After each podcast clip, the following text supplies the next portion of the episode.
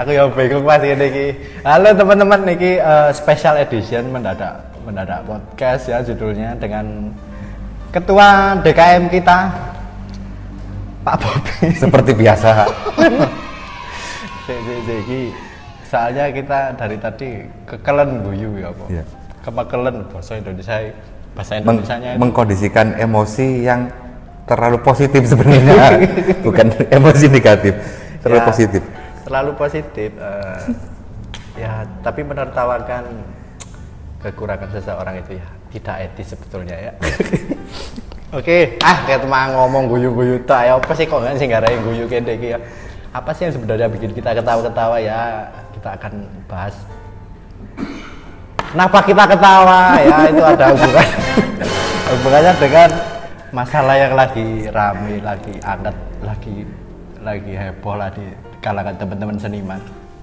Seperti ini ceritanya. Jadi eh, belakangan kemarin saya nyari Pak Bobi ini susah. Nang di sini wong iki wakil temen muncul. Lah, suatu ketika saya lewat eh, depan rumah gede di Tugu itu. Lah, aku wong iki. Saya kontak ternyata eh, beliaunya sama lapo Mas Rundo Mang. Eh, itu kan tempat wisata, jadi di sana itu di sana itu saya memba- membayangkan di Cangar, Oh iya. gitu. Ono tapi ketane ora. Enggak, ya cuma di, di Cangar toh itu. Oh, di Cangar. Di Cangar itu teman-teman. Di, di apa ya? Di Cangar Tidak direken, ya. pengennya sih sowan, tapi ya ternyata salah tempat tuh. Di Cangar itu ketemunya. Di Cangar temenan Iya. ya. Oke.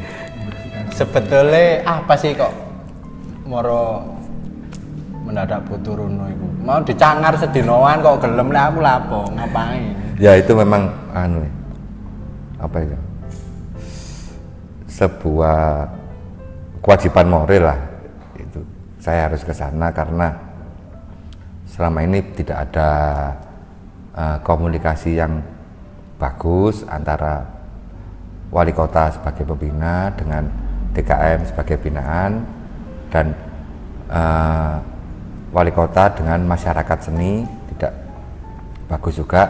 Dengan masyarakat juga kayaknya nggak bagus juga hubungannya. Maka itu Oh iya, semua, semua juga. tahu.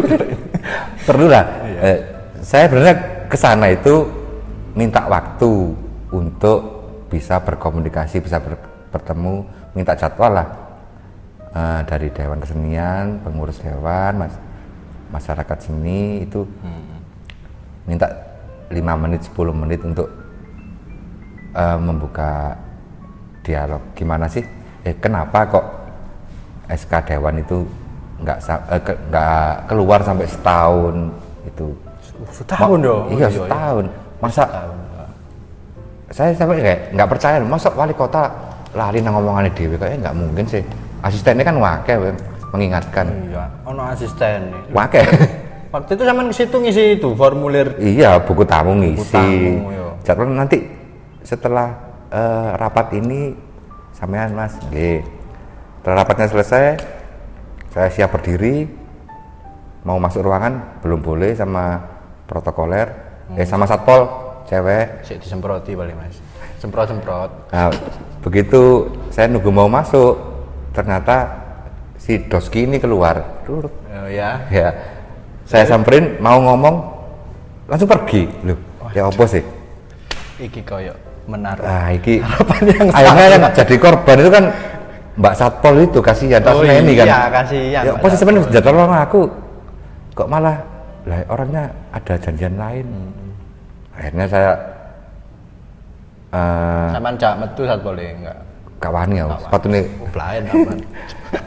ke sini ya akhirnya itu begitu sampai DKM lagi ada WA dari nomornya wali kota itu maaf mas saya masih belum bisa menemui saya ada jadwal zoom di rumah. Zoom kok di rumah. Berarti internetnya rumah lebih kenceng Iya. ya, ya daripada internetnya balik kota. Ya apa iki kominfo? Kok banteran internetnya di omah timbang juragan ya kakak iki melihara. Akhirnya tadi gak ketemu setelah walaupun melalui prosedur ingin bertemu, ingin ngobrol tentang SK, Iya. Ternyata sudah dilewati semua. Protokolnya gak ketemu wonge ngono ya. Ketemu Oh, ketemu ya? Iya, sorry, ketemu tapi gak direken. Iya. Ya dicangar iku mang. di Jangkar. Oke, setelah itu, Rek, setelah eh, terjadi SK tidak keluar, yang keluar statement, waduh, ini heboh ini tambahan. Statementnya melalui satu rangkaian video yang ngobrol mulai apa? Lalu lintas ya? Lalu lintas, terus apa? Dan yang terakhir mengenai SKDKM. SKDKM yang sudah satu tahun lebih berapa hari? 11 hari ya. Iya. Satu tahun lebih 11 hari. Itu ya ternyata jawabannya eh, ya itu tadi lah yang akhirnya kita ketawa-ketawa ini apa sih? Di situ akhirnya banyaklah teman-teman seniman yang walaupun nggak sekolah seperti saya ini ngerti bahwasanya ternyata di level kapasitas jabatan politik setinggi itu masih sering terjadi ya ketidaktahuan mengenai bagaimana tata kelola kebudayaan ya mas Ya. Pokoknya di UU Undang-Undang Pemajuan Kebudayaan ya disebutkan yang di video tadi sebelumnya tentang bagaimana posisi Dewan Kesenian Daerah. Di sini DKM ya. Ya. Di Daerah sini DKM sesuai kepala daerahnya masing-masing. sesuai kepada daerahnya masing-masing. Juga kekurang pahaman mengenai tujuh unsur budaya dan 10 objek Pemajuan kebudayaan. kemajuan kebudayaan seperti itu. Eh, terus ada selentingan mengenai bagaimana DKM apa mak dilebur, uh, dilebur. Iya lek permata, ya apa emas perak dilebur, dilebur menjadi satu Di bawah. satu- eh di bawah, dilebur di bawah. Saya saya mas aku rada bingung yo. Mas aku yo gak sepiro ngerti yo masalah eh, tata kelola organisasi politik pada pada umumnya kayak pemerintah kan yo organisasi politik Iya. skala nasional.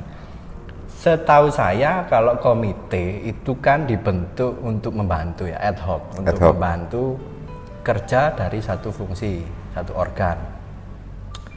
Nah, iki rodok mangka ngomong ketawa-ketawa itu loh komite kok melantik dewan itu yang kita bikin kekel-kekel gimana dewan bukannya dari namanya saja dewan itu sudah merupakan tataran yang high end Iya, perwakilan Ya. masyarakat. betul-betul perwakilan masyarakat Gimana? itu gimana mas Eh, apa betul begitu apa betul apa memang posisinya bisa dibalik seperti itu Ya mungkin kalau eh, cara berpikirnya pakai logika terbalik bisa lah. oh iya bisa ada teorinya seperti Iya, itu. ada teori seperti itu. logika terbalik. Tapi kan ini logika formal yang seharusnya di- Iya, digunakan untuk iya lah pengelolaan tata usaha negara kan. tahu usaha negara jadi itu orang banyak kok terbalik ya walaupun Malang ini pakai bahasa Balian ya tapi jangan logikanya terbalik Itu semacam nganu malian. Eh, pengurus RW dilebur ke dalam kepanitiaan 17-an RT. oh Itu korban, korban. iya gak nyambung ya lah idul korban kan biasanya masjid ya sing gawe ya ke, pa- kepanitiaan RT di Lepono Rono. itu di level bawah rek Lek di level dewan di mana dulu tahun 73 itu dibentuk memang eh, sebagai wadah masyarakat seniman jadi kekuasaan tertingginya ada di Masyarakat seniman. masyarakat seniman itu ada Seperti di yang disebutkan Doski di pembukaan, pembukaan musyawarah seniman musyawarah seniman tanggal 9 Februari 2020. Februari 2020. Satu tahun 11 hari yang lalu ketika video ini diambil ya. Iya. Oke, jadi eh, banyak muncul pertanyaan loh sejak kapan? kan akhirnya eh, statement tadi memicu banyak banyak dialog akhirnya banyak dialog yang selama ini semacam jalan di tempat gitu pak ya. Diarani jalan di tempat itu ya gak jalan tapi ya, ya apa ya? Ya mungkin karena musim ini ya. Musim video corona. TikTok. Oh, Di- TikTok, di, iya. tempat kan. Di tempat. Nggak berpindah tempat, nggak berpindah lokasi. Hanya 30 detik. Iya. Yang penting viral. Oke, wis. Eh, dari pernyataan tadi kira-kira dari delik hukum apakah ini aku kan butuh uang hukum arek. Saya Iya. bukan orang hukum ya. tapi kalau kita ngobrol posisi strategis politik wali kota statementnya itu adalah memiliki pernyataan ya statement ya pernyataan memiliki pernyataan di mana dia mempresentasikan posisi uh, posisi pemerintah kota jadi apakah bisa disebut apakah ada maladministrasi kalau kita kembali ke undang-undang pemajuan kebudayaan tadi jelas maladministrasi karena dia uh, mengabaikan pokok-pokok pikiran kebudayaan yang disusun oleh pemerintah kota Malang sendiri. Itu yang bunyinya poin terakhir adalah menghidupkan lagi Dewan Kesenian Malang. Nah ketika eh, mandat tersebut tidak dijalankan malah membuat keputusan secara sepihak dengan timnya yang tidak paham sama sekali masalah kesenian dan kebudayaan atau yang punya kepentingan tertentu di bidang kesenian dan kebudayaan akhirnya yang terjadi adalah uh, sebuah statement yang bagi masyarakat terlihat banyol. Iya, banyol. Itu kalau uh, karena anggap aja kita orang awam di bidang, bidang hukum ya, ya. istilahnya kan banyol aja. Tapi kalau uh, di mata orang hukum jelas-jelas adalah hmm. pelanggaran. Ya cilaka itu. Belayan nih Jangan main-main karena itu undang-undang sendiri ya.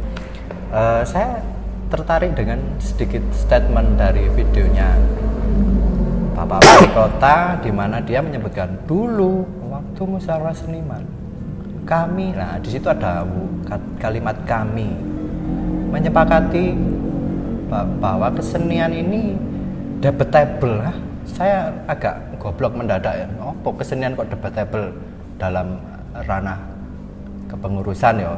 Dan di situ muncullah istilah organisasi yang ada tapi tidak jalan tadi atau yeah. gimana. Itu eh, kira-kira kami itu tadi orang yang itu uh, tadi timnya yang tidak mengerti tadi itu ya. Apa saya hanya butuh ke, konklusiku dewe gimana kalau yang dari statementnya dia kan dia bukan telah berkonsultasi dengan uh, bagian hukum, hukum. dinas Waduh, pendidikan dan kebudayaan. pendidikan dan kebudayaan. Mungkin juga dalamnya akan menyangkut uh, kabit kebudayaan dan beberapa lainnya, terus ke dirjen juga.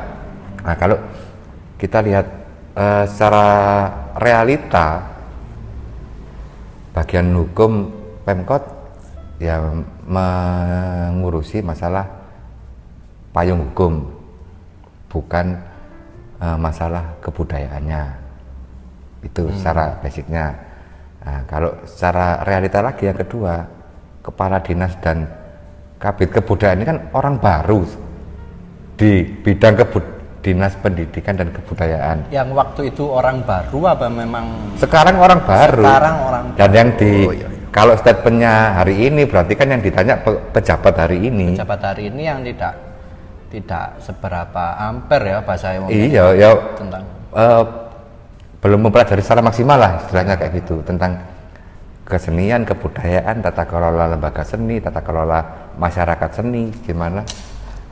Ya. cara menyampaikan ke uh, cara ngomong atau menghadapi seni dan budayawan aja mungkin mereka masih maju nggak, maju nggak. Jadi implikasi dan dampak terhadap masyarakat seniman secara luas ya.